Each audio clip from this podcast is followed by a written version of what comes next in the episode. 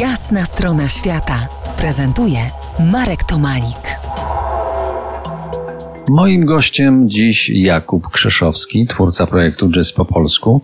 Rozmawiamy dziś o łączeniu Polaków z Azjatami za pomocą kultury, konkretnie jazzu.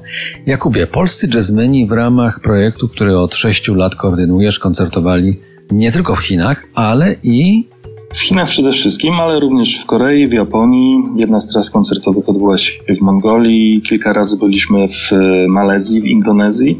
No i e, kraje Azji e, Centralnej, to znaczy Uzbekistan i Kirgistan. Do tej listy jeszcze mógłbym dołączyć Tajwan i Singapur, także zbierałoby się wtedy 12, 12 różnych krajów i Filipiny jeszcze. Powiedz, I Wietnam.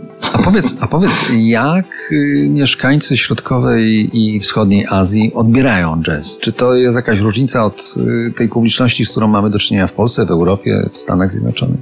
Tak, jest to spora różnica i powiedziałbym też, że różnica w odbiorze zależy od kraju, w którym e, wykonywaliśmy, wykonywaliśmy koncerty. Wydaje mi się, że najbardziej żywiołowa i taka mm, reakcja, która o której można by myśleć, że, że, że jakby publiczność najbardziej naprawdę rozumiała i, i, i szanowała tą muzykę, to, to była reakcja publiczności w Indonezji.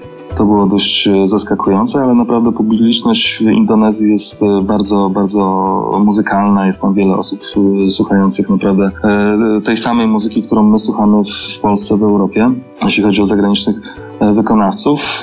W innych krajach bywa różnie, tak? No bo w, na przykład w Wietnamie czy w Chinach ta muzyka była do pewnego czasu zakazana i też wiadomo, że jakby popyt na, na, na kulturę jest inny w takich krajach jak Chiny czy, czy Wietnam, w szczególności na, na mm, kulturę niezależną. Natomiast w większości mm, odczucia są moje są takie, że, że ludzie starają się zrozumieć tą e, muzykę i doceniają ją dlatego, że, że jest to jakby sztuka na, na, na wysokim poziomie, która bardzo często broni się sama. Za kilkanaście minut ostatni fragment naszej rozmowy o polskim jazzie w Azji.